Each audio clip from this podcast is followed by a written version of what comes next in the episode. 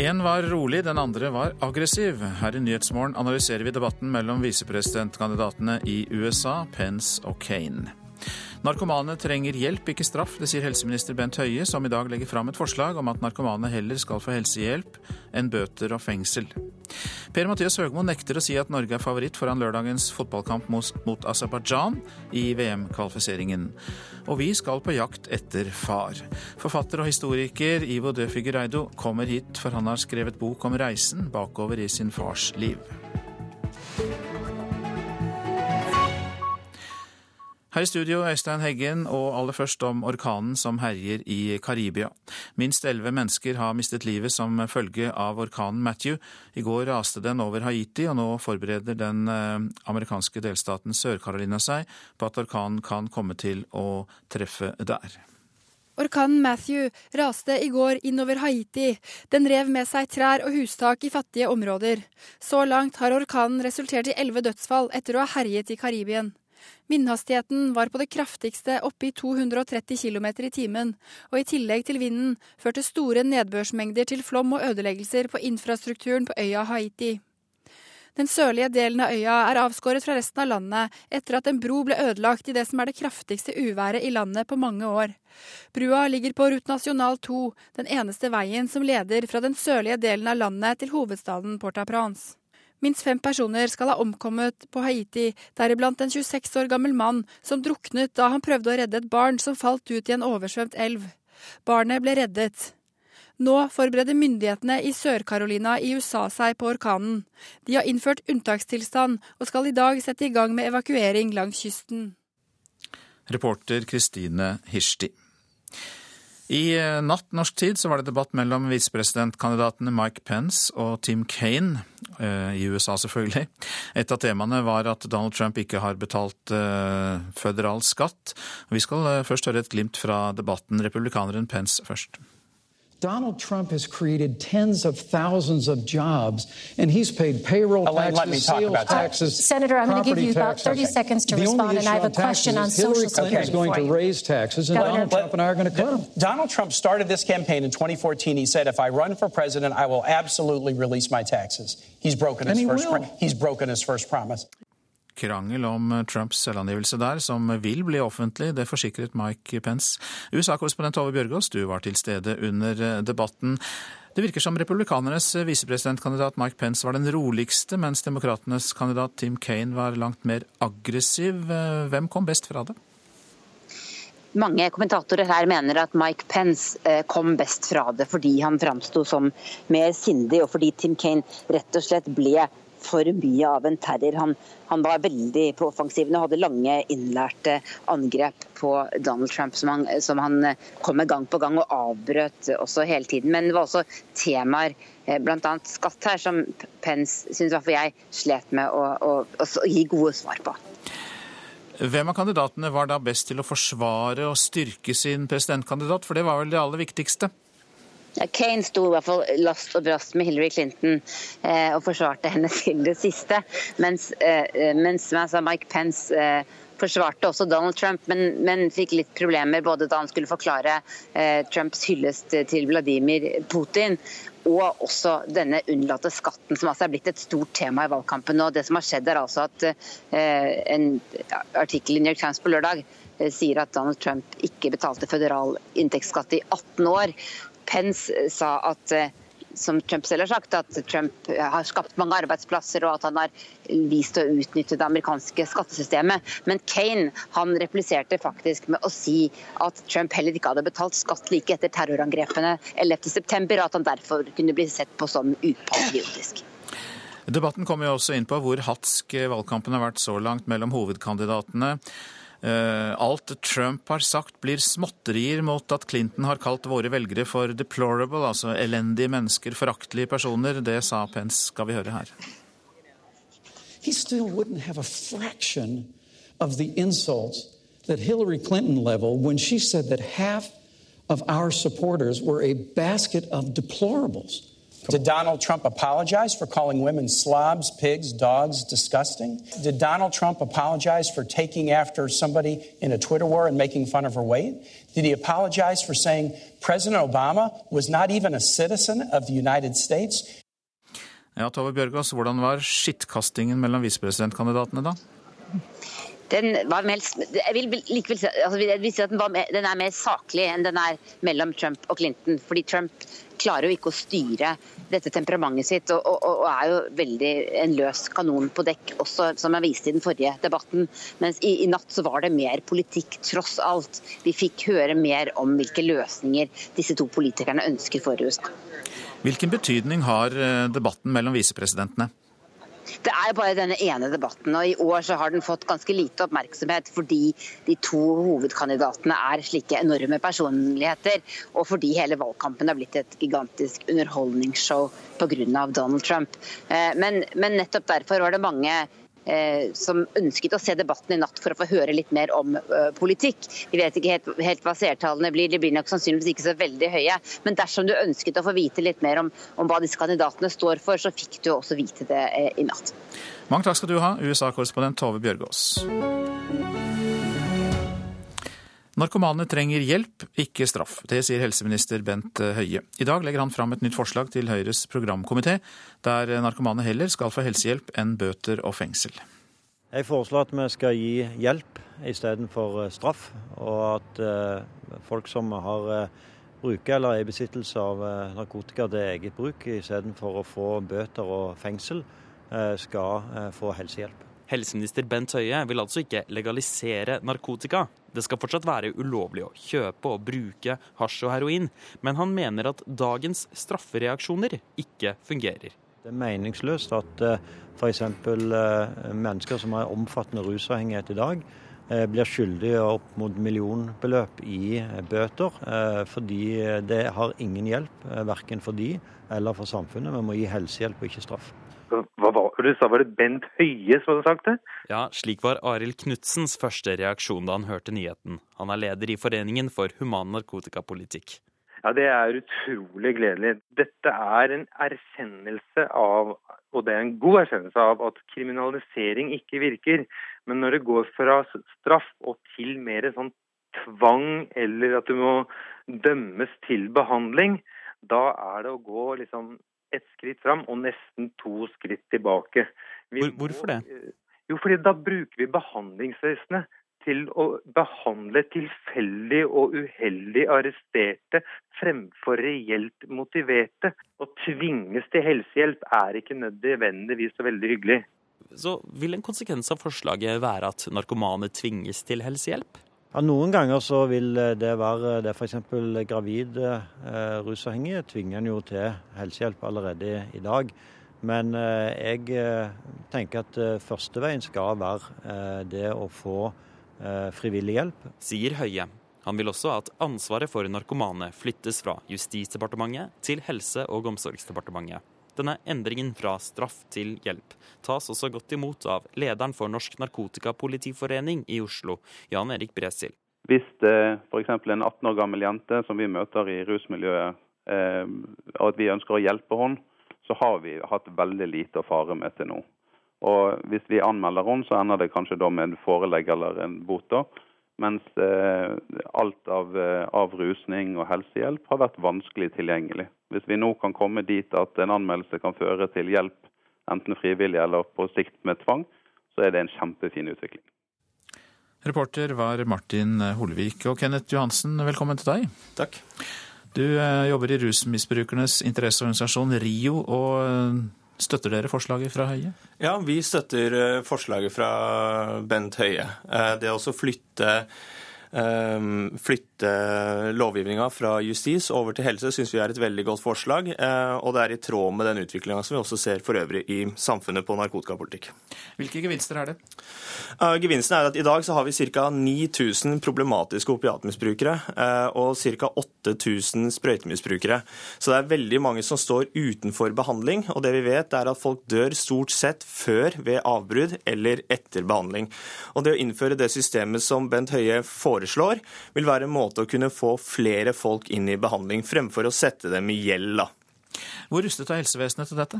Det er egentlig ikke rusta nok til det. Vi har ca. 2000 døgnplasser i dag, ca. 8000 pasienter som er i LAR. Og det som Vi så når vi gjorde noe lignende på 30-tallet, når vi etablerte disse edruskapsnemndene, så medførte det et skikkelig press på de institusjonene som var da. Så vi må også forberede oss på å bygge ut behandlingskapasiteten omfattende, både på behandling og på ettervern. Og så ble det reist en del skepsis i innslaget her om eh, tvungen helsehjelp eller eh, ikke. Ser du for deg at det kan bli mer tvungen helsehjelp gjennom dette forslaget? Nei, det ligger ikke i forslaget. Så du tror ikke det er noe problem? Nei, jeg ser egentlig ikke at det er noe problem. Jeg vet jo at eh, f.eks. de kommisjonene som man, man, etablerte i Portugal, har jo ført til at når du da, hvis en person blir tatt med noen brukerdoser med narkotika, så blir du innkalt til en, en, sånn type tverrfaglig kommisjon som består av sosialarbeider, psykiater og en jurist. Og så finner de ut om du har problemer eller ikke. og hvis, hvis, du har problemer, så får du et tilbud om behandling. Så disse kommisjonene som er i Portugal, de innebærer faktisk ikke tvangsbehandling. Så jeg reagerte egentlig litt på den, den kommentaren der. Så syns jo jeg også at vi skal ikke vi har Den norske velferdsmodellen skal vi ivareta, og vi skal ikke bare la folk liksom gå til grunne. Vi skal prøve å pushe de litt, sånn at de får gjort noe med livet sitt når de trenger det. Da. Og spesielt så gjelder det unge mennesker. Du jobber jo med en doktorgradavhandling om dette temaet. Hva sier historien om den type rusoppfølging som vi kan få nå? Ja, det er, det er, litt morsomt egentlig å sitte og se, fordi at eh, du ser jo bare egentlig at det gjentar seg. Altså Når vi legaliserte alkohol, altså når vi oppheva forbudet, det var da vi også etablerte disse edruskapsnemndene. Og edruskapsnemndene minner veldig mye om de kommisjonene som du har i Portugal. Det er type, type kommisjoner eh, som har egentlig et ganske bredt mandat i forhold til å kunne kreve litt av folk som blir rapportert inn til dem. Da. Men det er en smartere måte å tilnærme seg en gruppe som vi ellers ikke ikke klare nå. Takk skal du ha, Takk. Kenneth Johansen, som da representerer rusmisbrukernes interesseorganisasjon. Og vi skal eh, ta for oss det avisene er opptatt av i dag tar ut millioner i utbytte fra norsk bistand. Det er oppslaget i VG. Utenriksdepartementet har gitt aksjeselskapet til en tidligere UD-ansatt store bistandskontrakter. Nå henter gründerne av International Law and Policy Institute ut millioner i utbytte. Njål Høstmeldingen, som er daglig leder av selskapet, avviser kritikken og sier at de tar ut lønn og utbytte som er forsvarlig forretningsmessig for selskapet og anbefalt av revisor. Ut. Ja, det er oppslaget i Aftenposten, for Barack Obama er nemlig den president som har kastet ut flest ulovlige innvandrere. I fjor ble 2,5 millioner mennesker sendt ut av USA. Obama har, har skjermet skal det være, innvandrere som kom til landet som barn, men har kastet ut mange andre. Senterpartiet krever nye forhandlinger om EØS-avtalen for å bli med i en ny regjering, er oppslaget i Dagens Næringsliv. Trygve Slagsvold Vedum ønsker å dumpe EØS for å få til en avtale sammen med Storbritannia. Milliardlettelser til de rikeste skaper nesten ingen jobber, er oppslaget i Klassekampen. De over 50 rikeste her i landet har fått en milliard i skattelettelse fra Siv Jensen, og eksperter sier til avisa at det kunne blitt skapt fire ganger flere jobber dersom pengene hadde blitt brukt i det offentlige. Vedlikeholdt kongens hytter, skriver Dagbladet, som har snakket med personer tilknyttet hoffet som utførte arbeid på private hus og sommersteder. Kommunikasjonssjef eh, Marianne Hagen sier at eh, oppgavene i all hovedsak er naturlige deler av hoffets daglige drift, og at de ikke kjenner seg igjen i Dagbladets beskrivelse. Betaler kreftmedisin fra egen lomme, er oppslaget i Adresseavisen. 40 år gamle Jannicke Spetz orker ikke tanken på mer cellegift, og tok opp lån for å betale for immunterapi. Etter seks doser viser prøvene at kreftsvulsten er blitt mindre. Det er nesten så jeg lurer på om vi må hjem og sprette champagnen, sier Spetz. Monica Kleppe ble kvitt den gamle kjøkkeninnredningen med tastetrykk, kan vi lese om i Fedrelandsvennen. Folk i Søgne og på Lund kan bestille henting av søppel det ikke er plass til i avfallsdunkene. For 300 kroner kan beboerne med dette forsøksprosjektet få hentet inntil to kubikkmeter avfall.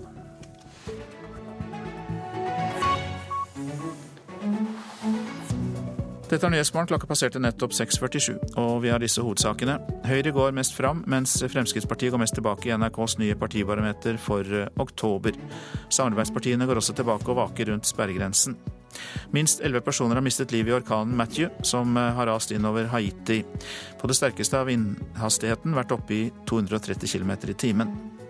Narkomane trenger ikke hjelp, eh, trenger hjelp, ikke straff. Det sier helseminister Bent Høie, som legger fram et nytt eh, forslag om dette til Høyres programkomité. Og vi har jo også hørt at Rusbrukernes interesseorganisasjon støtter forslaget. Nå skal vi på jakt etter far, om hvordan man skal forstå seg selv når man eh, ikke kjenner sin far og historien han er født inn i. I boka En fremmed ved mitt bord forteller forfatter og historiker Ivo de Figureido om sin reise tilbake i fars liv på jakt etter egen identitet. Og Figureido er jo mannen bak biografien om Henrik Ibsen og annen prisbelønt sakprosa. Og du er her i Nyhetsmorgen, velkommen. Takk for det. Eh, det er jo slett ikke alle menn som skriver en bok om sin far, selv om de kanskje kunne ha lyst til det. Hvorfor har du gjort det? Eh, ja, hvorfor skriver man bøker? Eh, man skriver bøker fordi man har en historie å fortelle. Eh, og eh, noen eh, temaer presser på mer enn andre, og noen bøker skriver man på et visst punkt i livet, antagelig. Hvilken verden åpnet seg da du gikk bakover i fars fotspor? Ja, det er ikke så, det er ikke så lett å si, men det må jeg jo. Da jeg var liten, så hadde jeg en formening om at jeg var norsk, som holdt på å si folk flest. Min lett brune hudfarge hadde jeg ikke noen spesielle tanker om. Jeg visste at min far var inder, men så var han ikke det. Han var fra et sted som het Goa, som var portugisisk. Men så var han født på Zanzibar, så var en arabisk øy. Men altså britisk, som var morsmålet hans. Dette ble veldig mye for meg å holde rede på, så jeg pleide å kalle meg for bamleindianer, fordi jeg kommer fra Bamble. Det var det folk fra Porsgrunn kalte folk fra Bamble. Det var bamleindianer, så like greit. Så dette har jeg ikke tenkt videre på, før jeg nå da på det punktet, nevnte punkt i livet, midt i livet i beste fall, så meg tilbake og begynte å grave. Og da fant jeg mye mer enn jeg hadde forestilt meg. I forlagets omtale så kan vi lese at du ble sviktet av din rotløse far. Fortell om det. Ja, dette med svikt skal jeg ikke gjøre så mye poeng ut av. Det var et vanskelig forhold som gjorde at jeg vel brøt på veldig mange måter veldig tidlig, og mista kontakten etter hvert som jeg ble voksen. Ja, så, unnskyld, Moren din og far ble jo skilt da du var ja, ti, ti ja, år? Ja, det var en skilsmisse, og det var, det var et vanskelig forhold. og et vanskelig, Jeg var en vanskelig person, og, og, og, og sleit åpenbart med et savn og noe som lå bak i hans liv. Og dette brød ikke jeg meg om, for jeg var på vei inn i mitt eget liv. Og, og først nå for fem år siden så, så begynte jeg å stille spørsmålet hva var det som kan forklare han? Og dermed også meg. For foreldrene våre er jo skapermakten i våre liv, og skal vi forstå oss selv, så er det naturlig at vi snur oss mot dem. Så da begynte jeg da å reise. Jeg, jeg, jeg torde ikke Jeg hadde ikke hatt kontakt med faren min på fem år på det tidspunktet, og begynte å reise og, og, og torde ikke, for å si det sånn rett ut, å oppsøke ham. Så jeg reiste rundt ham. Han bodde i et annet land. Han var i et annet land, ja. ja så, så, jeg begynte å reise rundt ham og samle, som den historikeren er, dokumenter, brev, bilder, og besøke tanter og onkler. Og så på et punkt så kan jeg ikke det lenger, og da drar jeg og besøker ham. Jeg tror ikke jeg skal røpe, jeg har lest store deler av boka di, og den var fascinerende. Det er en leseopplevelse, men jeg tror ikke vi skal røpe hvordan det endte opp mellom deg og faren din. Det kan de få lov å finne ut sjøl, ja, de som leser boka. men det jeg syns er spennende å spørre om, er jo det å søke gjennom familiens liv, kan vi vel også si, og faren din sitt liv, og familien, hans familie. Hva ønsker du å gi oss av allmenn innsikt ved å gjøre det? Ja, det, Sånn vet man jo aldri som forfatter. Man, man, går inn i seg selv, og så håper man at dette når ut til noen andre. Eh, nå er det jo sånn med min historie, da, eller vår families historie, at uh, den omfatter utrolig mye. Så når jeg spør hvem var faren min, eh, så må jeg tilbake til Vasco da Gamas ankomst til uh, India eh, for å svare på det. Så det jeg gjør, er at jeg da skriver en, en ikke om ikke en verdenshistorie, som er ganske mye av den. Jeg må skrive om det portugisiske imperiet. Jeg følger slekta mi fra oldefaren min, som først emigrerte fra India til Øst-Afrika. Og så hans sønn, altså min farfar, og da hans barn igjen, hans ni barn, som da emigrerer videre til, til Vesten. Og dette er altså en familie som som har en identitet som er måte, mellom oss og dem. Altså, dette er mennesker som er indre, men med europeiske vaner og verdier. En sånn blandingsfolk som på en måte er skapt for å tjene disse imperiene. Og når imperiene bryter sammen på begynnelsen av 60-tallet, så, så, er de måte, hjemløse. Min far ender opp i Bamble. Så hva jeg vil prøve å gi Jeg vil prøve å vise at verden er kanskje enda større og mer fargerik og sammensatt enn man ofte tenker over. For dette er en, en historie som vil være ny for mange. Og relevant når så mange flytter på seg? Det er jo absolutt en, en relevant tematikk i våre dager. Tusen takk skal du ha, Ivo Dø Figureido, som altså har skrevet boka om sin far, 'En fremmed ved mitt bord'. Takk skal du ha. Ja, vi går rett fra jakten på far til eh, kanskje en farsfigur, jeg vet ikke. Per-Mathias Høgmo, landslagstrener i fotball. Han nekter i hvert fall å si om Norge er favoritt foran lørdagens kamp mot Aserbajdsjan. Selv om Norge er 63 plasser foran dette landet på Fifa-rankingen, så mener landslagssjefen at det vil bli en tøff kamp. Landslaget forbereder seg til VM-kvalifiseringskamp på lørdag. Selv om Aserbajdsjan er ranket som nummer 133 i verden, vil ikke landslagssjefen kalle Norge favoritter. Hvem er eh, favoritter på lørdag, mener du? En jevn kamp. Vi møter et lag som, eh, som er eh, veldig tight sist for oss. Kontinuitet i laget sitt nå over, over lengre tid. Og slipper inn lite mål og er kontringssterk. Men hvem vil du da si er favoritt? Jeg si det er en, det er en åpen kamp. NRKs fotballekspert Tom Nordli mener landslaget må tørre å si at de er favoritter mot et lag som er 63 plasser under dem på Fifa-rankingen. Det er klart, Ser du på ranking og sånne ting, så kan det være lett å si at det er et lag vi skal slå. Men det er helt ufarlig å si til eh, folk at vi skal ned for å vinne. Så bør vi ha seks til sju poeng. Eh, det er minstekravet på de tre neste, som er Aserbajdsjan, San Marino og Tsjekkia. Skal vi ha noen mulighet, så da lønner det seg å ta flest mulig med en gang. Men Høgmo nekter å gi Norge et favorittstempel, selv om målet er klart. Jeg har jo sagt at vi ønsker å vinne hver kamp. La det være krystallklart.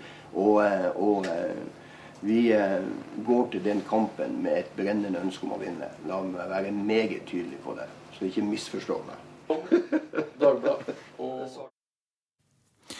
Reporter her var Emil Gukild. Statsråd Linda Hofstad Helleland har hittil framstått som minister for idrett og medier, mer enn det enn en frontfigur for kunst og kultur. Ja, det sier flere toppledere i Kultur-Norge, som venter i spenning da, på signalene i statsbudsjettet som legges fram eh, i morgen. Og blant eh, de som venter er direktør for Nasjonalmuseet, Audun Eckhoff. Eh, det er vel mitt inntrykk at hun har brukt mye krefter og tid på andre ting enn kunst og kultur foreløpig, særlig idrett, mediepolitikk. På lørdag var det boksekamp. Den første profesjonelle boksekampen på norsk jord siden 1981. Og kulturministeren var til stede. Det var hun også under ungdoms-OL på Lillehammer i februar. Jeg er glad i idrett, og jeg er glad for at Og direktøren for Nasjonalmuseet, Audun Eckhoff, mener at hun foreløpig fremstår mer som en ren idrettsminister. Nå har hun riktignok eh, bare sittet der ca. et år, og dette statsbudsjettet som nå fremlegges, blir jo kanskje den første viktige prøven på hva hun ønsker og hvilke prioriteringer hun har eh, innenfor eh, kulturfeltet. Teatersjef for Riksteatret, Tom Remlov, er enig med Eckhoff og sliter med å se en klar profil i statsrådens kulturpolitikk. Fordi det virker for meg som om hun har prioritert eh, den siden av sin virksomhet som er idrettsministeransvaret eh, og fokuset. Der har hun gjort en, gjort en klar figur. Eh, på vårt felt, den profesjonelle kulturens felt, så har det vært atskillig mindre tydelig. Så jeg er avventende. Det er nok riktig det at uh, denne kulturministeren er mer en idrettsminister enn hun er kulturminister. Det sier Anette Trettebergstuen.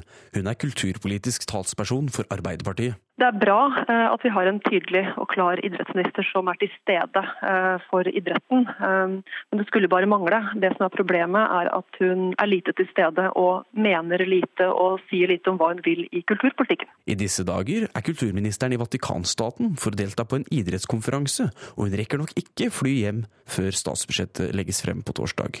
Det at hun reiser bort på den viktigste dagen i året eh, for mange, eh, der kulturministre eh, tidligere har sørga for å flagge tydelige satsinger og være til stede og vise hva de vil med kulturbudsjettet, da sier det sitt at hun heller velger å dra til utlandet. Kulturminister Helleland tilbakeviser kritikken med knusende ro. I Kulturdepartementet så har vi gått gjennom alle de aktivitetene og arrangementene som jeg har vært på siden jeg ble utnevnt. Og hvis vi da tar vekk møter og høringer og konferanser og den slags, så har jeg deltatt eh, fem, på fem ganger så mange kulturarrangement.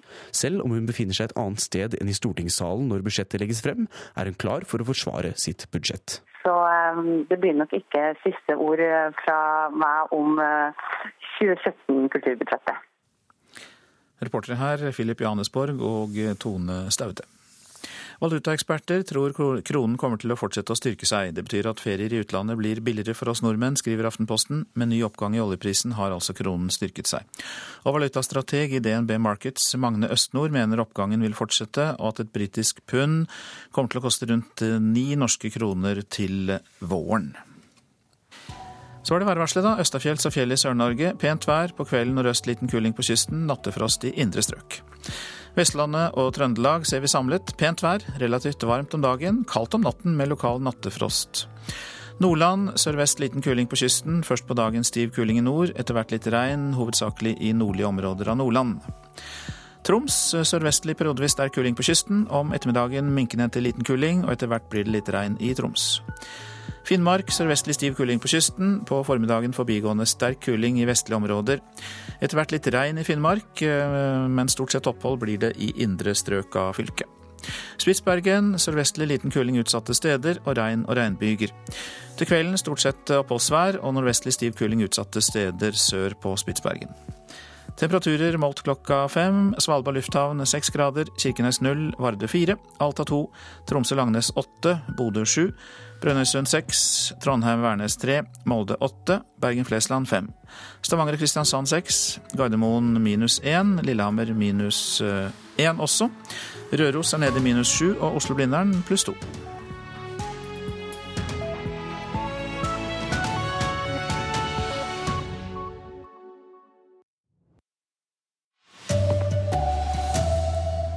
Det ble til tider ampert i valgduell i USA i natt. Og narkomane her hjemme skal få hjelp i stedet for straff, foreslår helseministeren. Her er NRK Dagsnytt klokken er sju. Aller først til helseminister Bent Høie, som foreslår å hjelpe narkomane i stedet for å straffe dem. I dag legger han frem forslag for Høyres programkomité. Høie mener det fortsatt skal være ulovlig å bruke narkotika, men at straffen ikke bør være fengsel og bøter.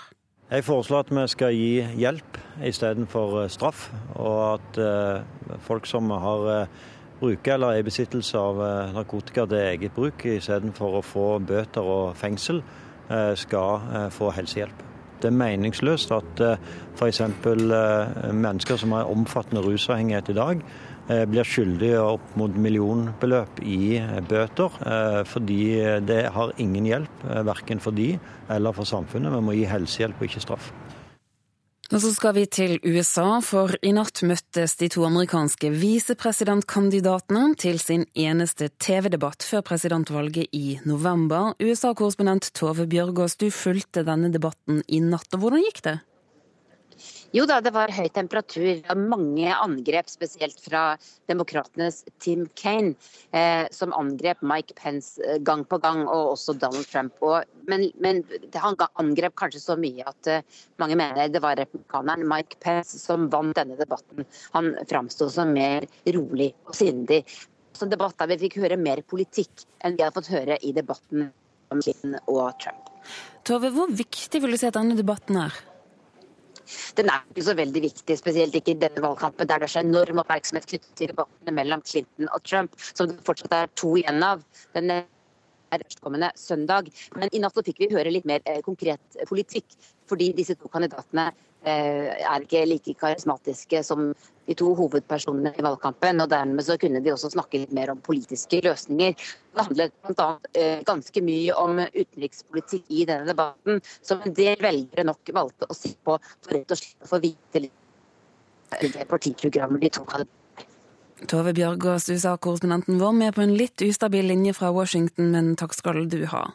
Tar vi med at IT-selskapet Yahoo skal ha laget et hemmelig program som søker gjennom brukernes e-poster. Hundrevis av millioner av e-poster er skannet etter en anmodning fra amerikansk etterretningstjeneste, sier tidligere ansatte til nyhetsbyrået Reuters. Sikkerhetseksperter sier at dette er første gang i historien at et IT-selskap som dette har hjulpet en etterretningstjeneste med å gå gjennom samtlige e-poster. NRK Dagsnytt, Turi Grønbekk. Her i Nyhetsmorgen skal vi høre at Høyre går mest fram, mens Fremskrittspartiet faller på NRKs nye partibarometer for oktober. Mer om visepresidentkandidatenes debatt i USA får du også her hos oss. Og Arbeiderpartiet vil ha smilefjesordning på sykehusene, slik restaurantbransjen har i dag. Hva sier et av pasientombudene om det? Og kravet om større reker fører til at fiskere og rekeprodusenter taper penger. Det er altså Høyre som går mest fram, mens Fremskrittspartiet går tilbake på NRKs partibarometer for oktober. Også samarbeidspartiene til regjeringen går tilbake. De vaker rundt eh, sperregrensen på 4% Men mandatfordelingen gir fortsatt borgerlig flertall på Stortinget. Eh, vi vil alltid være opptatt av å styrke Høyre, selvfølgelig. Men eh, det er jo en måling som også gir et tydelig borgerlig flertall, og det er jeg glad for. Sier statsminister og Høyre-leder Erna Solberg. Høyre går fram 1,3 prosentpoeng til 26,2, og har ikke hatt større oppslutning siden 2014. Det å ligge så tett opp til valgresultatet er vi selvfølgelig veldig glad for, men vi tar imot alle som har lyst til å stemme på Høyre likevel. Stabil utvikling, sier professor i statsvitenskap ved Universitetet i Oslo, Bernt Årdal. Men, men det, det, står på ganske små marginer. Eh, og selv om det ikke er noen, eh, noen eh, si, signifikante endringer her, så ser vi jo at Høyre ser ut til å holde stillingen, mens Fremskrittspartiet her ligger noe lavere, og det er en del andre målinger som har dem enda lavere enn dette. Så Det er jo et interessant spørsmål nå fremover. En annen tendens, altså en ny tendens. For Frp får en tilbakegang på to prosentpoeng og en oppslutning på 14,1% Det er den laveste oppslutningen på ett år på våre målinger. Harald Tom Nesvik er partiets parlamentariske leder. Det er nok ikke noe som har med liv og død å gjøre, dette. Men det er klart det at tallet eh, skulle jeg gjerne sett eh, høyere, fordi at Fremskrittspartiet kommer til å, å, å vokse frem mot eh, valget neste år. Når vi nå kommer i gang med, med valgkampen, vi får mer fokus på våre politiske saker. Også regjeringens støttepartier Venstre og KrF går tilbake på målingen Norstat har gjort for NRK mellom 27.9. og 3.10. Mens Senterpartiet er i fremgang med 7,2% faller KrF til 4,1 og Venstre til 4% oppslutning. Nei, Nå må vi jo jobbe hardt i det året som eh, står foran oss. Sier nestleder Ola Elvestuen i Venstre. For å få en sterkere posisjon med valget og beholde den maktposisjonen som vi jo også har i Stortinget. Miljøpartiet De Grønne får 3,9% like mye som SV, men det er SVs oppslutning som får professor Bernt Årdal til å si bemerkelsesverdig. SV blør 22% av de velgerne som stemte på, SV i 2013, sier nå at de ville stemme på Arbeiderpartiet. Eh, det er et eh, veldig høyt tall, og det som er det spesielle for, SV, er at vi har sett denne tendensen over veldig lang tid. Ved flere tidligere valg så har de altså tapt mange velgere til Arbeiderpartiet. Og For å ta tallene, 33,9% på Arbeiderpartiet på denne målingen. Det er fram 0,2 prosentpoeng. Og reportere var Hedvig Bjørgum, Cato Fossen og Katrin Hellesnes. Og vi går til deg, politisk kommentator i NRK, Lars Nehru Sand. Hvorfor faller Frp mens Høyre går fram? Men det er jo eh, sånn at Fremskrittspartiet de siste ukene kanskje har vært mindre i en mindre grad i en posisjon hvor de har vært et helt unikt parti i den politiske debatten. Eh, både fordi man har blitt, eh, blitt enige med Høyre om, eh, om, disse endringene i drivstoffavgiften. Nå er denne målingen tatt opp i hovedsak før det. Men også ved at eh, innvandringssaken har forsvunnet litt fra dagsordenen, så har man ikke fått se Frp som et tydelig annerledes parti enn alle de andre. og Det tror jeg gjør at en del av velgerne som vi ser av bakgrunnstallene her, setter seg på gjerdet, altså er usikre på hva de ville stemt av de som da stemte Frp for, for tre år siden. Bortsett fra dette med Frp og Høyre, hva annet reagerte du på da du så disse nye tallene? Det er en litt morsom forskjell i tallene på, eller oppslutningen på SV og Miljøpartiet De Grønne. Begge partiene får 3,9. Det betyr at eh, Miljøpartiet gjør en veldig god måling eh, til dem å være eh, beste siden februar. Men fordi MDGs velgere bor veldig konsentrert i noen fylker, så klarer MDG med den oppslutningen å få fire representanter på Stortinget. Eh, to fra Oslo, en fra Akershus, en fra Hordaland. Mens eh, SV har litt mer spredt velgermasse plass geografisk, og får ikke da spissa sin oppslutning inn mot noen valgdistrikt. og Det gjør at de kun får én en enkelt representant, eller et distriktsmandat som det heter på fint, fra Oslo og Hordaland. Altså halvparten så stor uttelling for samme oppslutning som Miljøpartiet De Grønne. Tøffe tak å ligge rundt sperregrensen, åpenbart. Ja. Eh, hva forteller dette oss noe, hvis i det hele tatt noe, om sannsynligheten for et regjeringsskifte eller ikke? Det er ganske åpent, og det er, det er lenge igjen til, eh, til, valget, spesielt i lys av at vi skal ha en, en ganske avgjørende budsjetthøst foran oss. Men mm. vi ser da at de fire partiene som står bak eh, dagens eh, samarbeid i Stortinget, får 89 mandater. Arbeiderpartiet, Senterpartiet og KrF ville ikke fått flertall. De får 82 til sammen, de tre. Men da med MDG så kunne de etablert et flertall eh, med 86 mandat. 88 hvis også SV var med på det. Eh, så så det betyr jo at det er ganske åpen, men eh, definitivt sånn at eh, Erna Solbergs borgerlige samarbeid står veldig godt til å være et regjeringssamarbeid på tredje året. Takk skal du ha, kommentator Lars Nehru Sand. Og eh, både vinnere og tapere vi har snakket om nå, kommer til deg i Politisk kvarter. Håvard Grønli. Ja, de vil vel si at det bare er målinger, da, og at ingenting er vunnet eller tapt. Men en offensiv Senterpartileder han vil stille krav om reforhandling av EØS, som vi har hørt i dag. Han kommer. Frp-nestleder Per Sandberg ser den dårligste målinga på om lag et år. Han møter SV, som er på kanten av stupet. De skal debattere om eh, grunnlovsvern av havet. Og Lars Nehru Sand her, han får ikke være med Politisk kvarter i dag, men er du interessert i alle detaljene om eh, målinga vår, så kan du laste ned Politisk kvarter som podkast. Så får du ei eksklusiv lydfil der Lars forklarer deg absolutt alt som er om de ferskeste tallene. Ja, og vil du ha sendinga direkte i øret fersk mens den laves, så er det altså om en drøy eh, halvtime, kvart på åtte. Arbeiderpartiet vil ha en smilefjesordning for sykehusene, slik restaurantbransjen har.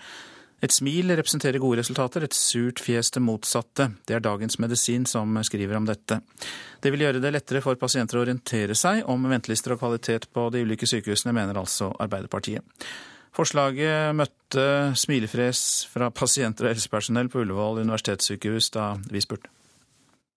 Jeg syns det er en ganske bra idé faktisk. Da det blir bare stort uh, smilefjes, det. En rask måte å gi tilbakemelding på. Men bak forslaget ligger det mer enn bare et smilefjes, forsikrer helsepolitisk talsperson i Arbeiderpartiet, Torgeir Micaelsen. Jeg skal måle den såkalt offisielle ventetiden. Jeg vil måle kvaliteten, som allerede i dag måles. Og jeg vil måle hvordan pasientene synes det er å være pasient der. Og alt dette bør da offentliggjøres og tilgjengeliggjøres for pasienter og omverdenen. Poenget med forslaget er at den reelle tilstanden ved norske sykehus skal bli enklere for folk å sette seg inn i.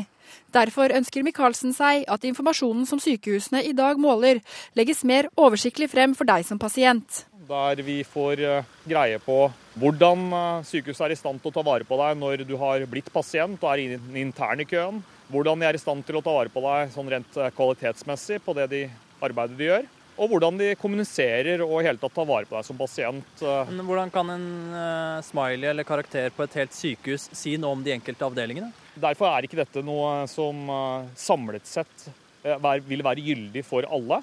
Men jeg synes det er relevant å vite om et sykehus, til motsetning til et annet sykehus, har kontroll på arbeidsprosessene sine, er i stand til å møte meg som pasient med de lovnadene de selv har gitt. Eh, og det kan uttrykkes eh, samlet sett eh, på en måte som gjør, gjør det mer forståelig.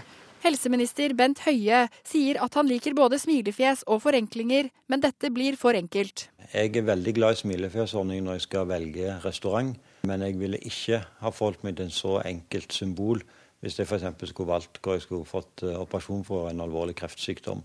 Det blir for enkelt for Arbeiderpartiet. Også akuttsykepleieren på Ullevål universitetssykehus har vanskelig for å se for seg hvordan dette skal fungere. Det er et veldig sammensatt bilde på den virksomheten vi har her. Så det å generalisere alt under ett sånn smilefjes blir veldig vanskelig. Fordi man måles kanskje på andre faktorer eller indikatorer i akuttmedisinsk avdeling enn hva man gjør på en kreftavdeling. Og andre mener de uansett ikke har mulighet til å velge hvor de skal få behandling. Smilefjes har nok ikke noe effekt eller hjelp. Du blir jo sendt eh, dit tilbudet er, og du har ikke noe påvirkning. Reportere Kristine Hirsti og Svein Olsson. Pasientombud i Oslo og Akershus, Anne Lise Christensen, velkommen hit. Takk.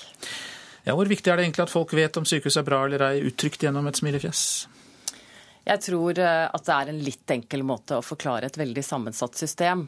Eh, men det jeg selvfølgelig er enig med Torgeir Micaelsen, er at vi må ha et stadig fokus på kvaliteten i de helsetjenester vi byr pasientene ute i sykehusene.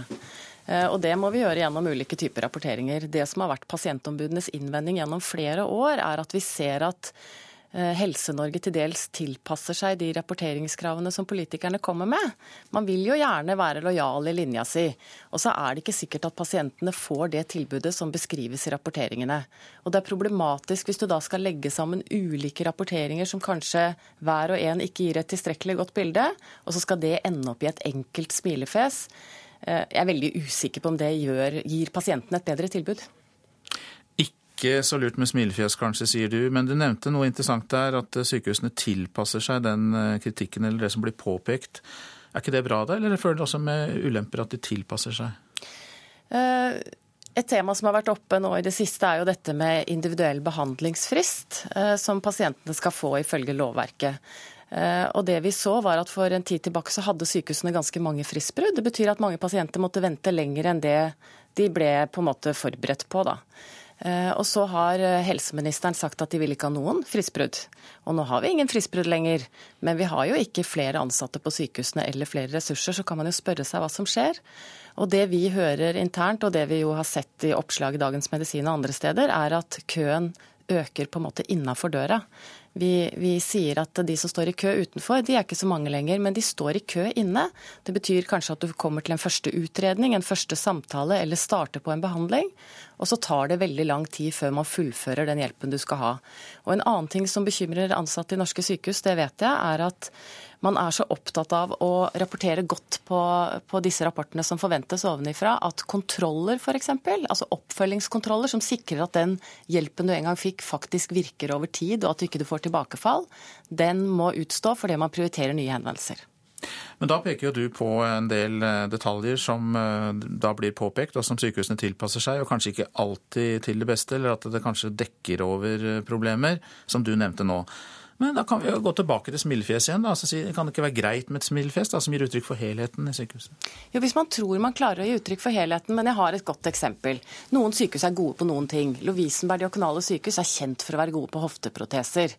Det betyr at hvis de får masse smilefjes på dette her, og du skal skifte hofta di en dag, så tenker du da vil jeg på Lovisenberg. Men det tenker jo alle andre også. Så da blir det veldig lang kø på Lovisenberg. Og da klarer de ikke å holde fristene sine, og de får sure fjes. De har den beste kvaliteten på hofteproteser, men de klarer på en måte ikke å gi deg den hjelpen de skal. Det er på en måte et lite eksempel på hvor komplisert det er. Restaurant og sykehus er åpenbart ikke sammenlignbart, eh, det hører jeg at du mener. Eh, men tilbake til det vesentlige. Hvordan skal da pasienter orientere seg best mulig for å finne ut eh, hvilket sykehus de skal velge?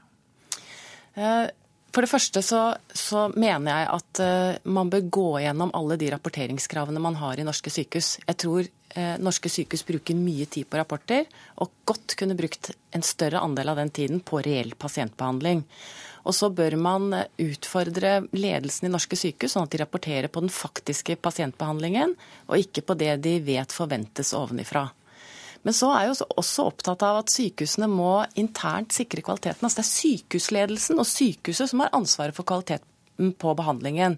Det vi risikerer er jo at pasienter som er flinke til å orientere seg, de kan velge de beste tilbudene. Men det gjelder jo ikke alle i det norske samfunn, og det vet vi. Riksrevisjonen har vært inne og sett hvem er det som benytter seg av fritt sykehusvalg eller fritt behandlingsvalg. Jo, det er de med god inntekt og lang utdanning. Og så er det oss andre eller resten i samfunnet. Da skal de få dårligere helsehjelp på sykehus fordi de ikke er like flinke til å benytte seg av informasjon. Det ville jeg vært mer opptatt av som politiker enn jeg syns de er i dag. Takk skal du ha, Anne Lise Christensen, pasientombud i eh, Oslo og Akershus. Og dette er Nyhetsmorgen. Klokka den passerte 7.17, og vi har disse hovedsakene. Høyre går mest fram, mens Fremskrittspartiet går mest tilbake i NRKs nye partibarometer for oktober. Samarbeidspartiene går også tilbake og vaker rundt sperregrensen på 4% Minst elleve personer har mistet livet i orkanen Matthew, som raste inn over Haiti i går. På det sterkeste har vindhastigheten vært oppe i over 230 km i timen. Og vi har hørt at Arbeiderpartiet vil ha en smilefjesordning på sykehusene, slik restaurantbransjen har. Og pasientombudet for Oslo og Akershus, Anne Lise Christensen, som nettopp gikk ut av studio, var ikke helt enig i det. Hun syns kanskje det ble for enkelt.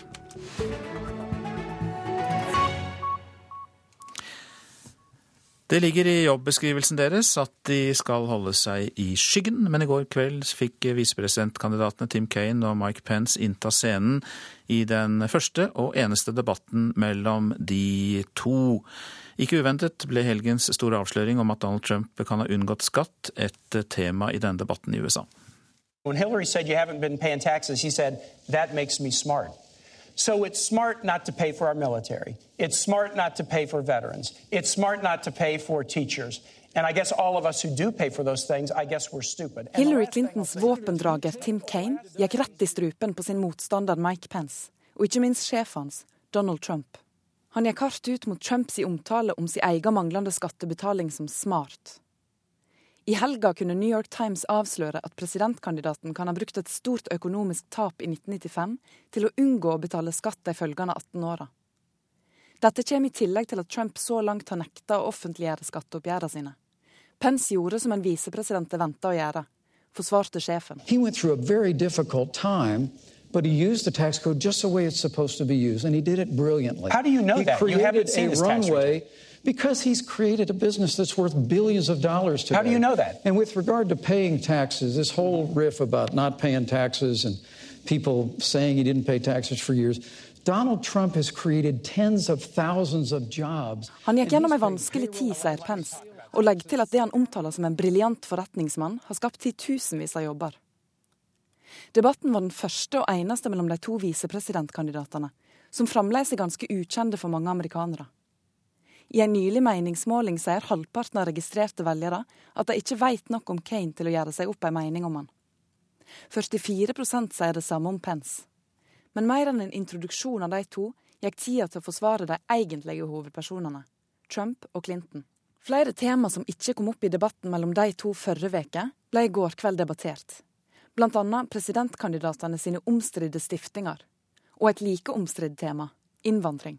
Mike Pence gjentok ikke Trump sitt forslag om å utestenge alle muslimer, men sa at de vil stoppe mottaket av syriske flyktninger. Vi bringer ikke folk who are hostile to our Bill of Rights freedoms, who are hostile to the American way of life. But also, uh, Donald Trump and I are committed to suspending the Syrian refugee program and, and programs and immigration from areas of the world that have been compromised by terrorism. Vi kan ikke ta imot folk som er fiendtlig innstilte til våre verdier, sa Pence, og sa at når det gjelder syrere, vil de ikke ta imot folk fra land som er råka av terror. Kane svarte at han ikke er uenig med at han skal holde folk som er farlige utenfor grensene, men at han likevel ikke kan diskriminere hele folkegrupper. Hillary and I want to do enforcement based on are people dangerous? These guys say all Mexicans are bad. And with That's respect to and with respect to refugees, we want to keep people out if they're dangerous. Donald Trump said keep them out if they're Muslim. Den demokratiske kandidaten, som har omtalt seg sjøl som politikkens kjedeligste mann, blir sagt å være den som var mest på offensiven i debatten, og kom flere ganger tilbake til Trump og skatten. Og gårsdagens debatt var den ene sjansen de fikk. Neste uke må Trump og Clinton igjen forsvare seg sjølve.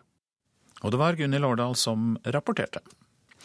Dagen etter at Tyrkia forlenget unntakstilstanden, har myndighetene stengt enda en TV-kanal, denne gang en som har dekket kurdisk og armensk forhold, fordi regjeringen mener den kringkaster terroristpropaganda. Bare i forrige uke ble 20 TV- og radiostasjoner stengt til kraftige protester fra journalistene.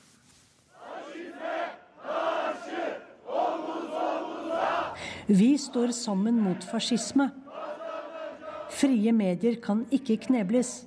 Det ropte journalistene som demonstrerte på Taksim-plassen her i Istanbul i går kveld. Tyrkiske mediefolk er redde for det som skjer i landet nå. I forgårs vedtok regjeringen å forlenge unntakstilstanden til langt ute i januar. I går stormet politiet lokalene til TV-stasjonen IMC TV, mens den sendte direkte. Politiet stanset sendingen, og ingeniører kuttet kabler for å forsikre seg om at den ikke kommer seg på lufta igjen. 17 av de ansatte ble arrestert, ifølge avisen Horjet. TV-kanalen var opptatt av armenske og kurdiske forhold. Det som skjedde i redaksjonen viser at utviklingen etter kuppforsøket ikke er forbundet med demokrati, men leder mot et nytt kupp, sier Ayub Tunj fra IMC TV til Reuters. President Erdogan mener at predikanten Fetullah Gulen og hans folk sto bak kuppforsøket i sommer. Bare i juli ble 131 medier stengt fordi regjeringen mener de hadde bånd til Gulens organisasjon. Men også flere tusen akademikere og andre som har undertegnet et opprop om et ønske om fred mellom tyrkere og kurdere, er utestengt fra arbeidsplassene sine. Og av de mange TV- og radiostasjonene som nå forbys, er flere prokurdiske. Myndighetene mener at de kringkaster terroristpropaganda på vegne av den kurdiske PKK-geriljaen, som ses på som en terroristorganisasjon. Den dagen da alle opposisjonelle stemmer og kanaler blir kneblet, er ikke langt unna. I dag ble 23 kanaler stengt, i morgen er det kanskje 15 til. Til slutt vil vi bare ha én kanal igjen som regjeringen redigerer for oss, sier den tyrkiske journalisten Ogur Aytaj, som ikke vil la det skje. Vi journalister skal greie å vise folk virkeligheten. For hver dag samler vi oss for å diskutere hva vi kan utrette i sosiale medier, sier Faruk Eren, redaksjonssjef i IMC TV. Sissel Wold rapporterte fra Istanbul. Så var det avisene. Tar ut millioner i utbytte fra norsk bistand, er oppslaget i VG. Utenriksdepartementet har gitt aksjeselskapet til en tidligere UD-ansatt store bistandskontrakter.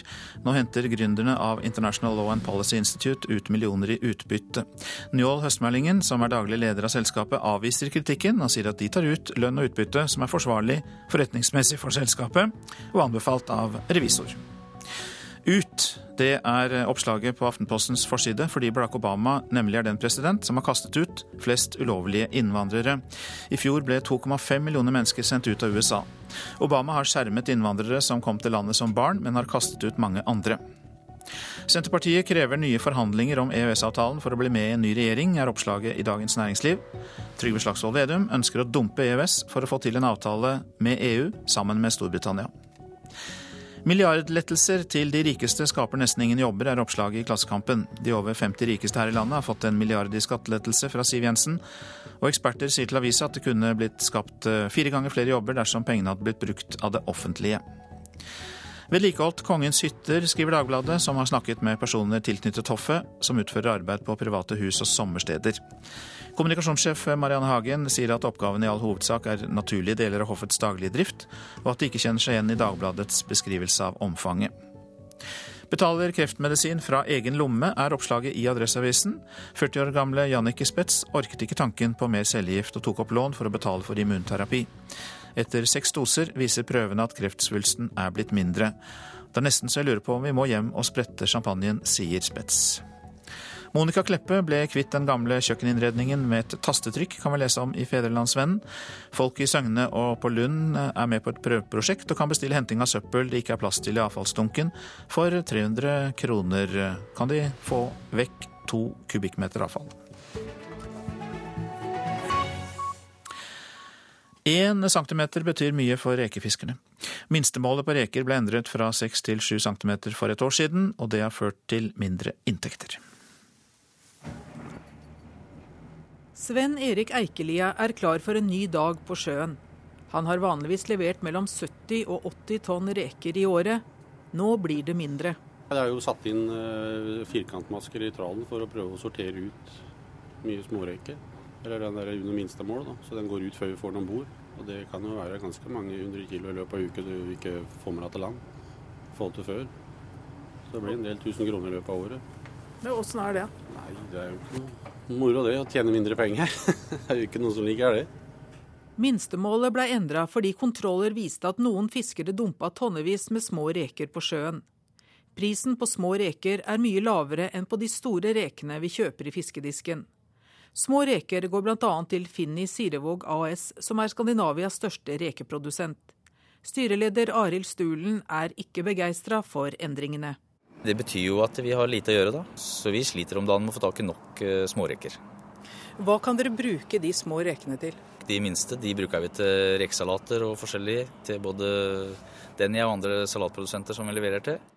De aller minste blir rekemel som noen bruker i supper og kosttilskudd. Alt de får om bord i båten kan vi bruke for seg. Hva er det dere håper på nå da? Vi håper at uh, minstemålet går tilbake til, uh, til 6 cm, sånn som det var før. Og at uh, fiskerne får lov til å ta inn det minste som de allerede har fått om bord, uten at det blir belasta kvotene. Fiskeridirektoratet arrangerte nylig et møte om rekefiske i Nordsjøen og Skagerrak, der norske, danske og svenske myndigheter og fiskere deltok. I Sverige og Danmark er det ikke noe minstemål. De følger EU-reglene, forteller seniorrådgiver Robert Misund i direktoratet. Det er forbudt å dope en eneste reke. Alt som blir fanget, skal på land. Spørsmålet nå er om dette også skal gjelde for norske fiskere, om minstemålet skal bli endra igjen, eller om det skal fortsatt bli 7 cm som i dag. Alle de tiltakene vi innførte den gangen, de skal vi ha en evalueringsprosess på nå i løpet av høsten. Eikelia og kollegaene hans venter spent. Ja, de må gå tilbake til det minstemålet vi hadde før, på 7, nei, 6 cm.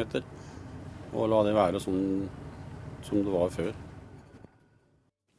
Og reporter her, det var Britt eh, Bojesen. Produsent for Nyhetsmorgen, Marit Selmer Nederlid. Og her i studio i dag, Øystein Heggen.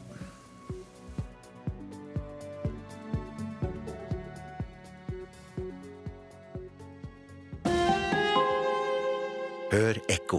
Han forteller deg hvem du er, hva du tenker, får kontakt med de døde. Fra en scenekant her i vanligvis kritiske Norge. Han er rett og slett tankeleser, eller en såkalt mentalist. Og publikum jubler og er fascinert over hva han får til. Men så skjer det noe som setter magien på prøve. Ekko 9 11 i NRK P2.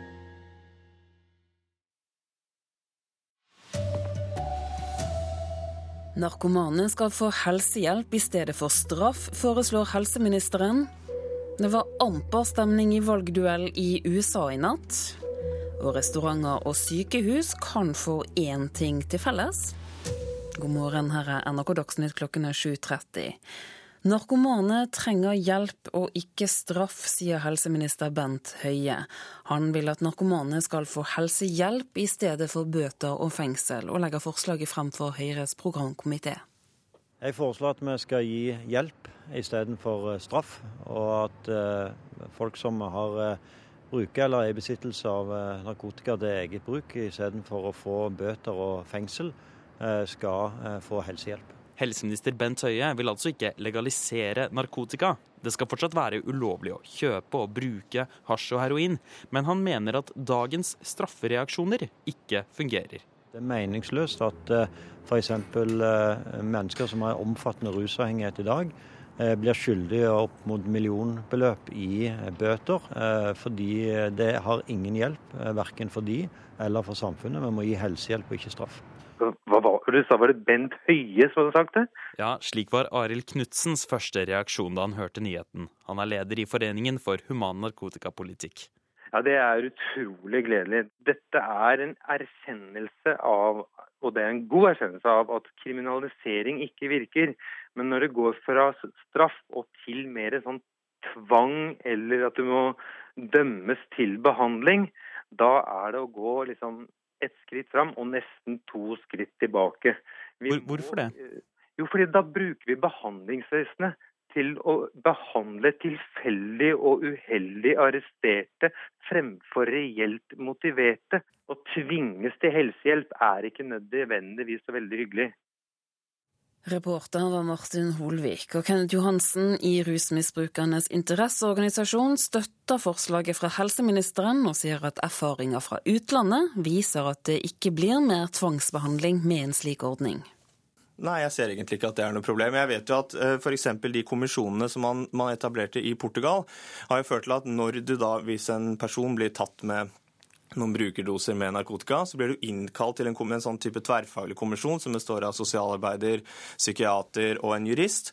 Og så finner de ut om du har problemer eller ikke. og Hvis, hvis du har problemer, så får du et tilbud om behandling. Så syns jo jeg også at vi skal ikke vi har Den norske velferdsmodellen skal vi ivareta. Og vi skal ikke bare la folk liksom gå til grunne. Vi skal prøve å pushe de litt, sånn at de får gjort noe med livet sitt når de trenger det. Da. Og spesielt så gjelder det unge mennesker. Så skal vi til USA, der Mike Pence vant nattens debatt, ifølge en meningsmåling fra CNN. Visepresidentkandidaten til Donald Trump møtte sin motkandidat Tim Kaine i det som var den første og eneste debatten mellom de to i presidentvalgkampen. She, she had a, Clinton Foundation accepting contributions from foreign governments. You, and you foreign are Donald Trump, uh, Trump's apprentice. Uh, um, let, let, me talk about this Senator, issue. I think, the, I think... Mike Pence angrep ikke uventet alle pengene Clinton-stiftelsen har mottatt fra norske og andre lands myndigheter. Men han forholdt seg langt mer rolig enn motkandidaten i debatten i natt. Og noen mente han ikke gjorde nok for å forsvare Donald Trump. Men den sindige guvernøren fra Indiana vant trolig debatten ved ikke å oppføre seg på denne måten. Donald Trump doesn't have a plan. He said, um, I have a secret plan, and then he said, um, I know more than all the generals about ISIL. And then he said, I'm going to call the generals to help me figure out a plan. And finally, he said, Senator Tim Kaine angrep om og om igjen der han sto på scenen i hjemstaten Virginia. Third, he loves dictators. He's got kind of a personal Mount Rushmore. Vladimir Putin, Kim oh, Jong-un. Det handlet om utenrikspolitikk, skatt og mange andre ting. Trumps kampanjesjef Kellyanne Conway sier til meg hun mener Kane angrep både Pence, Trump og den kvinnelige debattlederen. Really, uh, really cool Debatten i natt hadde mye politisk innhold.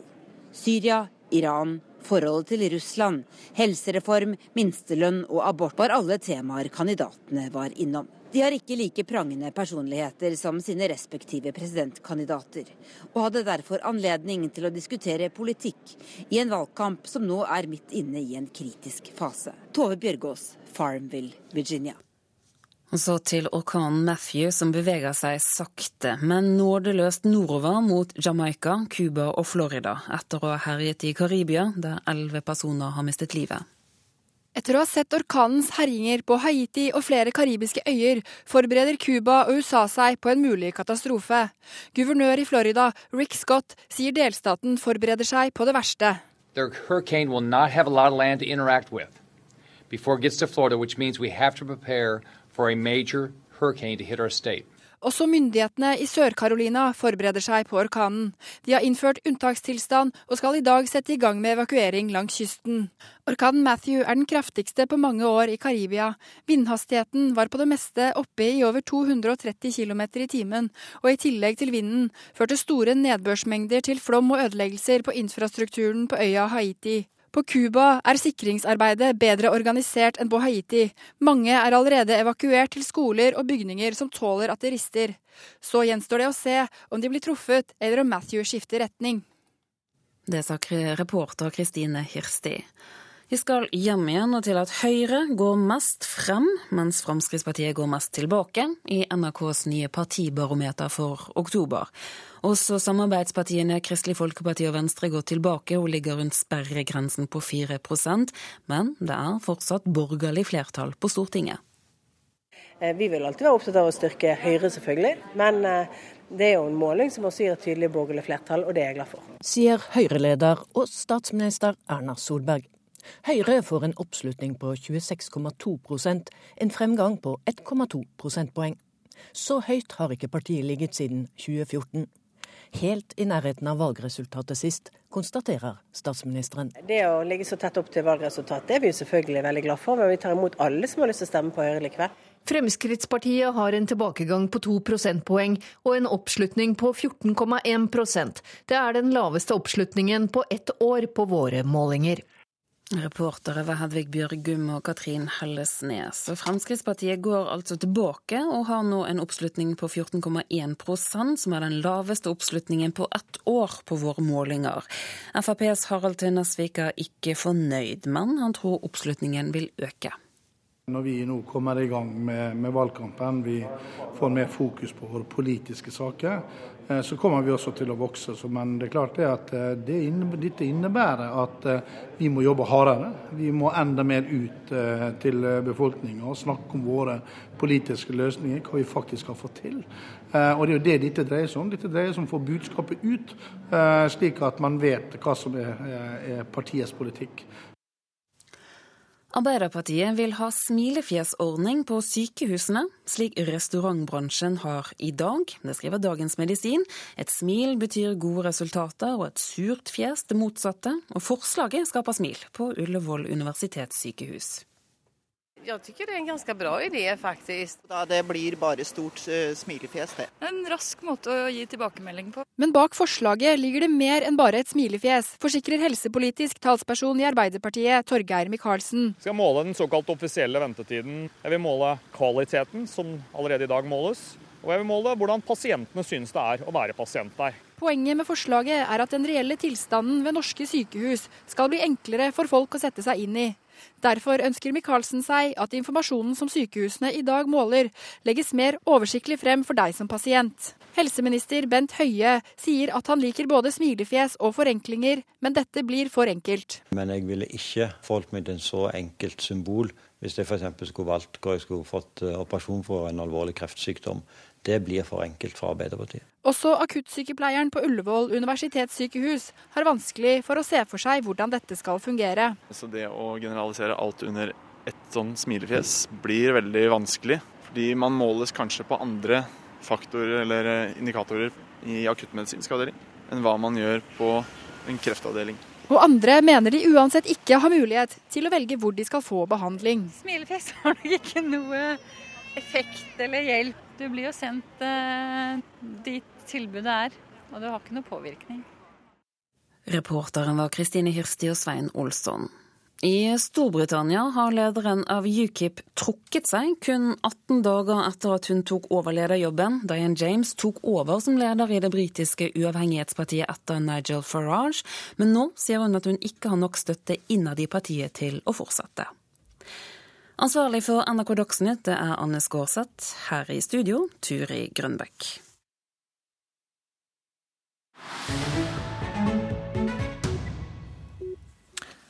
Etiopia og tørke er tema for Nyhetsmorgen nå. Etiopia har vært gjennom den verste tørkekatastrofen på 50 år. Likevel døde ingen. Mange forbinder Etiopia med stadige sultkatastrofer. Mindre kjent er det at landet har opplevd sterk økonomisk vekst. Og Tom Christiansen har sett nærmere på hvordan Etiopia har taklet den siste hungersnøden.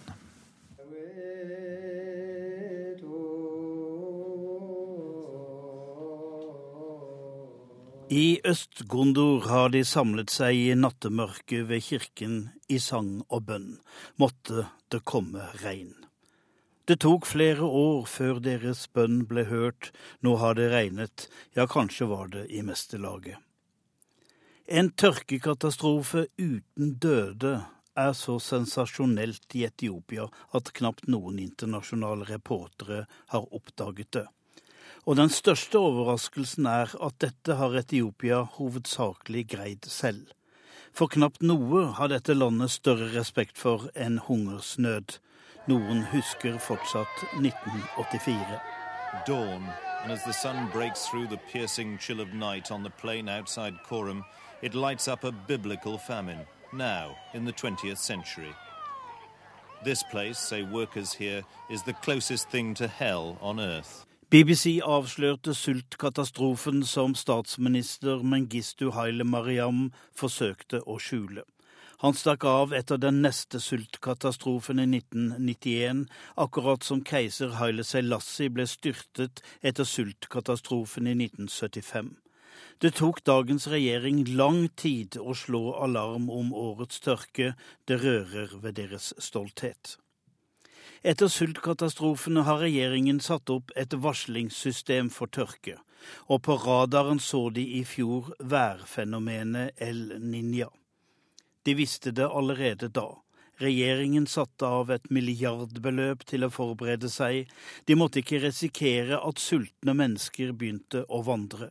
For de måtte være hjemme når regnet en dag kom for å sette såkorn i jorda, og så måtte de ha såkorn.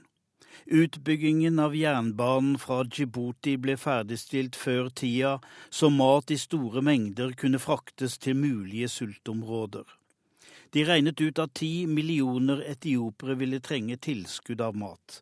Resten, 90 millioner, ville klare seg selv. Så kom tørken.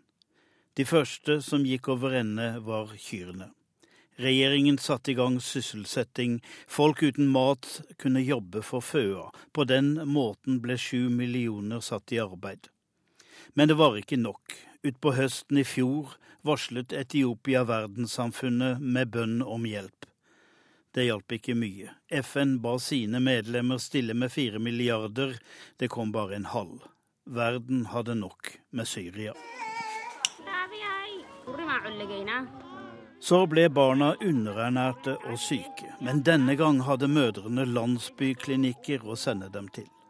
Vannforsyningene var bygget ut, og lastebilene til FN nådde ut med matforsyninger da det ble akutt. Så kom regnet. Det styrtet ned, folk og kyr drukner, jorda er for hard til å ta regnet, det blir flom, såkorn skylles bort. Og så kommer dødstallene. Er det ikke det ene, så er det det andre. Du overlever tørken, og så dør du av regnet. Dette er hovedsaker i eh, Nyhetsmorgen. Narkomane trenger hjelp, ikke straff. Det sier helseminister Bent Høie. I dag legger han fram et nytt forslag til Høyres programkomité om at narkomane heller skal få helsehjelp enn bøter og fengsel. Høyre går mest fram, mens Fremskrittspartiet går mest tilbake i NRKs nye partibarometer for oktober. Regjeringens samarbeidspartier går, til, går også tilbake og vaker rundt sperregrensen på 4% Likevel er det fortsatt borgerlig flertall på Stortinget, ifølge målingen. Minst elleve personer har mistet livet i orkanen Matthew, som har rast inn over Haiti. På det sterkeste har vindkastene vært oppe i over 230 km i timen. Orkanen har også ført til omfattende flom og ødeleggelser. Republikaneren Mike Pence vant nattens debatt mellom visepresidentkandidatene, ifølge en meningsmåling fra CNN. Visepresidentkandidaten til Donald Trump møtte sin motkandidat Tim Kane i det som var den første og eneste debatten mellom de to i valgkampen. Så er det Politisk kvarter eh, som vi står foran, og der er det Håvard Grønli som er eh, programleder.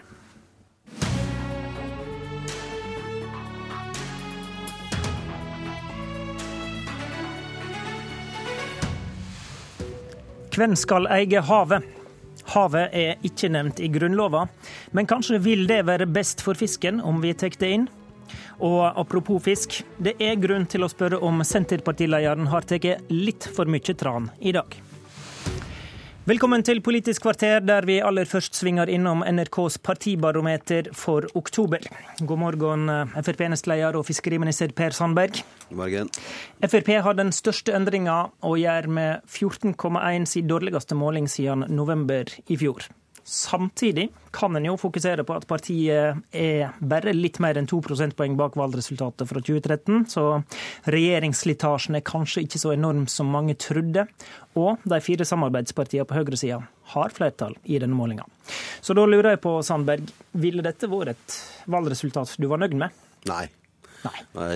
Fremskrittspartiet har større ambisjoner dette, enn dette. Men, men, jeg bruker jo Jeg har blitt litt sånn kjedelig når jeg svarer på meningsmålinger. Du er aldri kjedelig. Jeg, jeg er mer fokus på det ene målinga som, som, teller, og det er valgresultatet. Hvordan forklarer du den svake nedovergående tendensen siste året? Nei, altså Det kan være flere ting, men eh, kommunikasjon, eh, synliggjøring av egen politikk, eh, synliggjøring av resultatene vi får gjennom å sitte i regjering. Eh, kanskje for mye fokus på det som, eh, som vi ikke oppnår.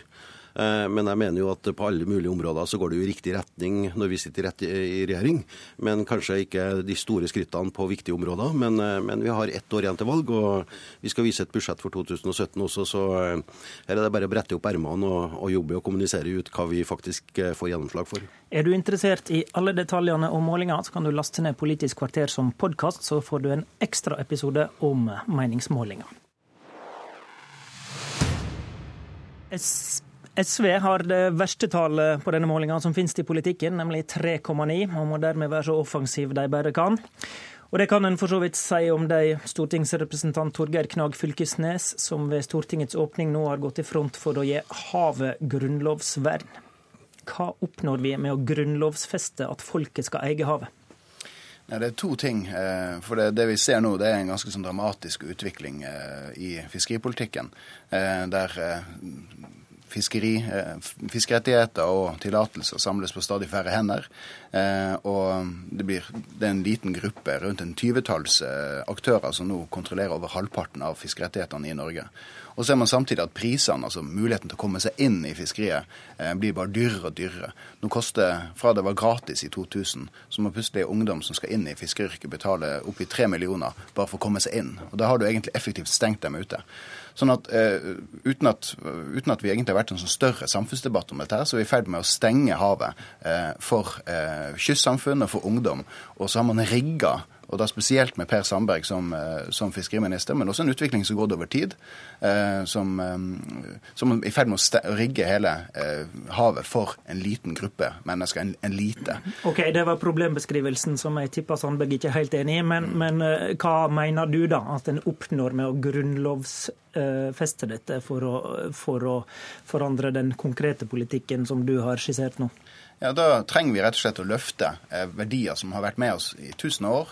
Eh, det at eh, havet er en allmenning som ikke kan privatiseres, og at eh, havets ressurser skal komme kystsamfunnene til gode. Rett og slett løfte dette her opp i, i, i Grunnloven. Og det er, det er, de to hovedprinsippene som har styrt norsk fiskeripolitikk i av år. Men det har ikke vært i Grunnloven før. Men nå ser vi behovet for å få det faktisk inn. Ok, Du mener det vil forhindre privatisering? Ja, Det vil, det vil lage kjøreregler, rett og slett. Et, for, for, både fiskeriminister, for storting, men også for forvaltning. Så det, det, vil, det vil knesette et prinsipp som vi har egentlig hatt lenge, men som nå vi virkelig trenger å få inn i Grunnloven. Per Sandberg, fiskeriminister. Det ligger nå flere grunnlovsforslag i Stortinget om å gi havet grunnlovsvern. Mm. Jubler en fiskeriminister over det?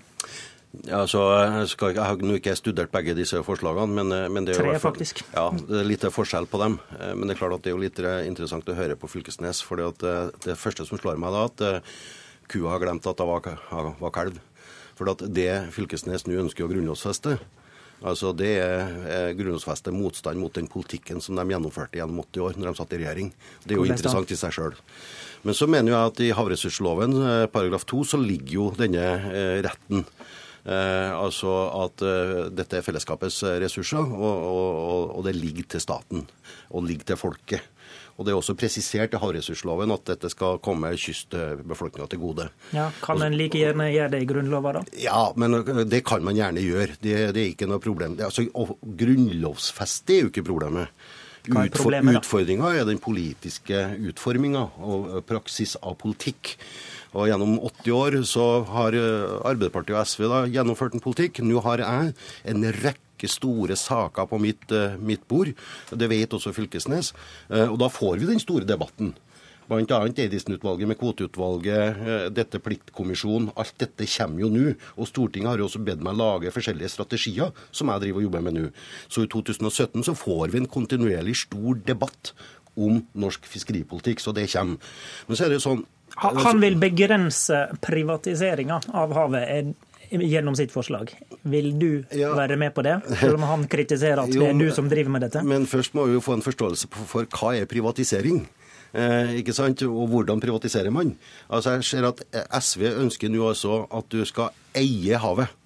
Eh, og da må jeg si at eh, å ha privatrettslig eiendomsrett til den enkelte fisk som svømmer i havet, enten den er på norsk sone eller internasjonal sone, det ser jeg som en utfordring, selvfølgelig. Okay, la men, samtidig, men, så, men, så, men så ser jeg det at denne retten Altså hvor dette eh, tilhører, det ligger jo havressursloven i dag. Fylkesnes. Ja, det er jo det som, altså Jeg er veldig enig med fiskeriministeren at det er jo praksis her som har vært problemet. Og det er en slags sånn eh, gordisk knute, eller en uløselig knute vi har fått, der eh, forvaltninga og departement osv.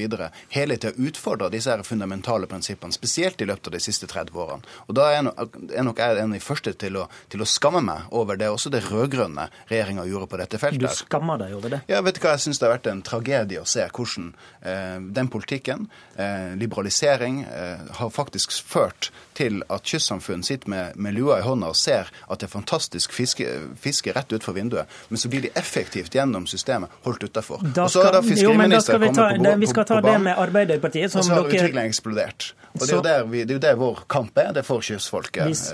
Dette skal vi ta med Arbeiderpartiet, som dere regjerte sammen med. Det er den regjeringa som åpner for den privatiseringa og liberaliseringa som Fylkesnes vil stoppe gjennom sitt grunnlovsforslag. Hva sier du til det, Ingrid Heggø, fiskeripolitisk talsperson? Jeg vil aller først si det at jeg er helt enig med SV i at vi bør gi grunnlovsvern til det som går på rettighetene til fisken vår.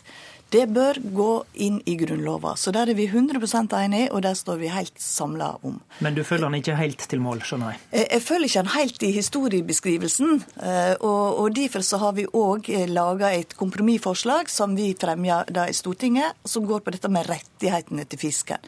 Og det er, det, det er helt riktig som blir sagt her, at det står i havressurslova, men vi ønsker å gi det det spesielle vernet som Grunnlova gir. Men det sentrale omgrepet i SVs forslag er at ressursene skal komme kystsamfunnene til gode og gi sysselsetting og bosetting. Det, det, det, det, vil ikke, det står i havressursloven i dag. Og, og, dette vil en ha inn i Grunnlova, men det vil ikke Arbeiderpartiet. Hvorfor vi, ikke? Vi vil reindyrke det som går på rettighetene til fisken, og ha inn i Grunnlova eh, og gi det et ekstra vern. Så, så, enkelt eh, er det. For alt kan ikke inn i Grunnlova. Vi skulle ønske gjerne det, men vi har òg sagt en annen ting som er veldig viktig å få fram her. Vi er Arbeiderpartiet er faktisk en garantist for at vi fortsatt skal ha havressurslova. Den kom under den rød-grønne regjeringen, og den skal bestå. Jeg, jeg syns det er også litt beklagelig, for Fylkesnes skylder altså på forvaltninga, embetsverk og departement. Det er politikerne som bestemmer dette, Fylkesnes. Det er det det burde vært. Ja, det, men det er det. Det er politikerne som står ansvarlig. Og så syns jeg det er litt trist, for det man ser nå, det er en rivende utvikling langs kysten vår. Det er en enorm optimisme der ute. Eh, jeg har stående invitasjoner langs hele kysten for å åpne fiskemottak og fiskebrygger og industri langs hele kysten. Og så er det altså sånn at det er politikken fram til nå som har ført til fraflytting og nedleggelse av lokalsamfunn langs kysten. Så har jeg satt meg mål da, om å snu dette, og det er i ferd med å snu. Og når det gjelder ungdom og tilgang til fiske, så er det altså sånn at jeg har lagt på plass rekrutteringskvoter og viderefører dette og legger til rette på beste måte for å få ungdom inn i, inn i fiskeriyrket. Men det kan ikke være sånn, vet du. Også de ungdommene som skal inn i fiskeri, må gå noen skritt før man kommer og blir reder innenfor, innenfor fiskeri. Dere har helt forskjellig historieskriving, men ærlig talt, Fylkesnes, hvis du mener problemet er eh, fraflytting f.eks. langs kysten, du kan vel ikke grunnlovfeste deg bort fra det? Det er en del av det. Altså Vi må forandre spillereglene her. Det er det som, det som Sandberg her sier. Eh, han har sørga for at eh, ungdom nå effektivt stenges ut av fisket. Det er takken vi har fått eh, fra han. Det er hans politikk. Og så Når det gjelder Arbeiderpartiet, som her sletter kysten fra, fra vårt grunnlovsforslag, det er det de i realiteten har gjort, det er for oss helt uforståelig. Det hjelper ikke ungdom å komme ut. Det hjelper ikke kystsamfunnet å komme inn. Det eneste det gjør, det er at det skjermer denne lille gruppen mennesker som nå sitter på stadig større rettigheter langs kysten. Og det er jo det vi, vi er skuffa over Arbeiderpartiet, og jeg kjenner mange gode Arbeiderpartifolk rundt omkring langs kysten som, som, som er helt enig med oss i denne saken. Ingrid Heggø fra Ap til slutt. Fellesskapet skal tilhøre det norske folk, og det er det vi ønsker å grunnlovfeste i det forslaget vi har. Så det er helt riktig det som blir sagt her, at fra regjeringens side så har vi fått forslag på evigvarende kvote. Vi har forslag om å samle veldig mange kvoter på ei hånd. Det er vi imot. Nei, takk til Ingrid Heggø. Takk til deg også, Per Sandberg, og takk til Torgeir Knagg Fylkesnes.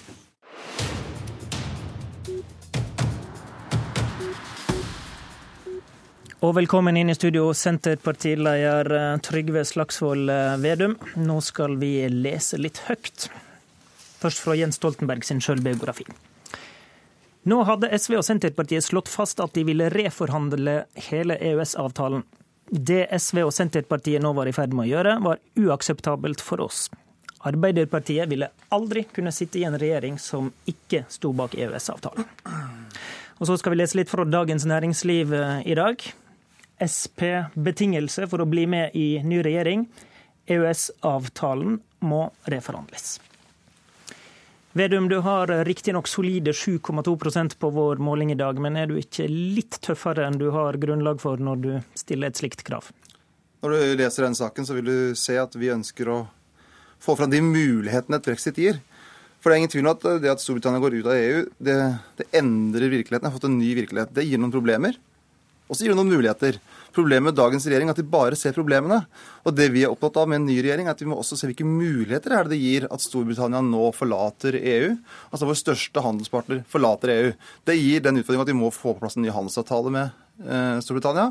Og så må Storbritannia få på plass en ny handelsavtale med EU. Så da, i en eventuell ny regjeringsforhandling mellom deg og eh, Ap-leder Støre, da, hva er det du vil eh, ta til orde for? I realiteten så må alle norske partier nå nyorientere seg, for det er en helt annen virkelighet i 2017 enn det var i 2013. For at eh, den største handelspartneren vår i EU forlater unionen. Og da må vi få en ny handelsavtale med Storbritannia, og Storbritannia må ha en ny handelsavtale med, med EU. Og da må jo vi se, syns vi at EØS-avtalen da er den beste, eller har det vært bedre å samordne interessene våre bedre med vår viktigste handelspartner, nettopp Storbritannia. Så her må folk litt opp av skyttergravene og lese den artikkelen. så ser Det er ikke skyttergrav. Poenget er å være konstruktiv, se hvilke muligheter det gir. Vi er et selvstendig land. Hvordan kan vi styrke vår sjølråderett? Har vi noen felles interesse med Storbritannia? Og så må vi ta en diskusjon og en vurdering. Mens nå er, har vi en regjering som bare ser problemer, som syns det er helt krise at Storbritannia har gjort det samme som det norske folk. Jeg syns det er bra at Storbritannia har gjort det samme som det norske folk, men så gir det også noen utfordringer. Og da må vi ha en aktiv politikk for å styrke norske interesser. Men du sier ting er radikalt endra, men det som ikke har forandra seg, er jo de norske politiske tyngdelovene. Og de har sagt siden 90-tallet at grunnlaget for ei regjering vil være at en ikke sender en EU-søknad, men at vi blir i EØS fordi det er et stort stortingsflertall for det. Tror du faktisk at du kan snu om på det? Jeg tror, eller det som er helt sikkert, er er at et nytt stortingsflertall må ha på plass nye handelsavtaler fordi at Storbritannia går ut. Ok, En kan du, ikke ha den gjeldende Altså, EØS-avtalen videre? Altså, det er ingen tvil om det. Alle, Uansett hvilket parti du representerer, så må du forholde deg til den virkeligheten som skjer ute i Europa. Så det må på plass nye handelsavtaler. Og så må vi vurdere hvilke nye avtaler vi skal få med Storbritannia eh, og EU, hva som er best for oss. Og så forholder som jeg sier i den artikkelen nå, vi vet at det er et flertall for EØS, som forholder oss til at det er et flertall for EØS. Men det det norske stortingsflertallet ikke kan gjøre, det er å lukke øynene for den virkeligheten som nå skjer ute i Europa, og hvordan kan vi styrke vår stilling. Og vi har bare ett absolutt krav, og det har vi hatt hver gang, og det er EU-medlemskap. Men vi kan ikke Er være det uaktuelt for deg å gå inn i en regjering uten at EØS-avtalen er reforhandla? Altså det, vi har det samme kravet i 2017 som i 2005, men poenget er at det er en ny virkelighet. Så det handler ikke om eh, hva Senterpartiet mener, det handler om hva som skjer i Europa. Og det må vi forholde oss til. Og da må det på plass nye avtaler. Og så må vi hjelpe hverandre, sånn at vi får styrka norske interesser best mulig. Men det her er ikke et spørsmål om Senterpartiet i regjering eller ikke, det er et Det spørsmål om Storbritannia. Det var et lite spørsmål om Senterpartiet, iallfall. Takk til Trygve Slagsvold Vedum. I studio, Håvard Grønli. Hør flere podkaster på nrk.no podkast.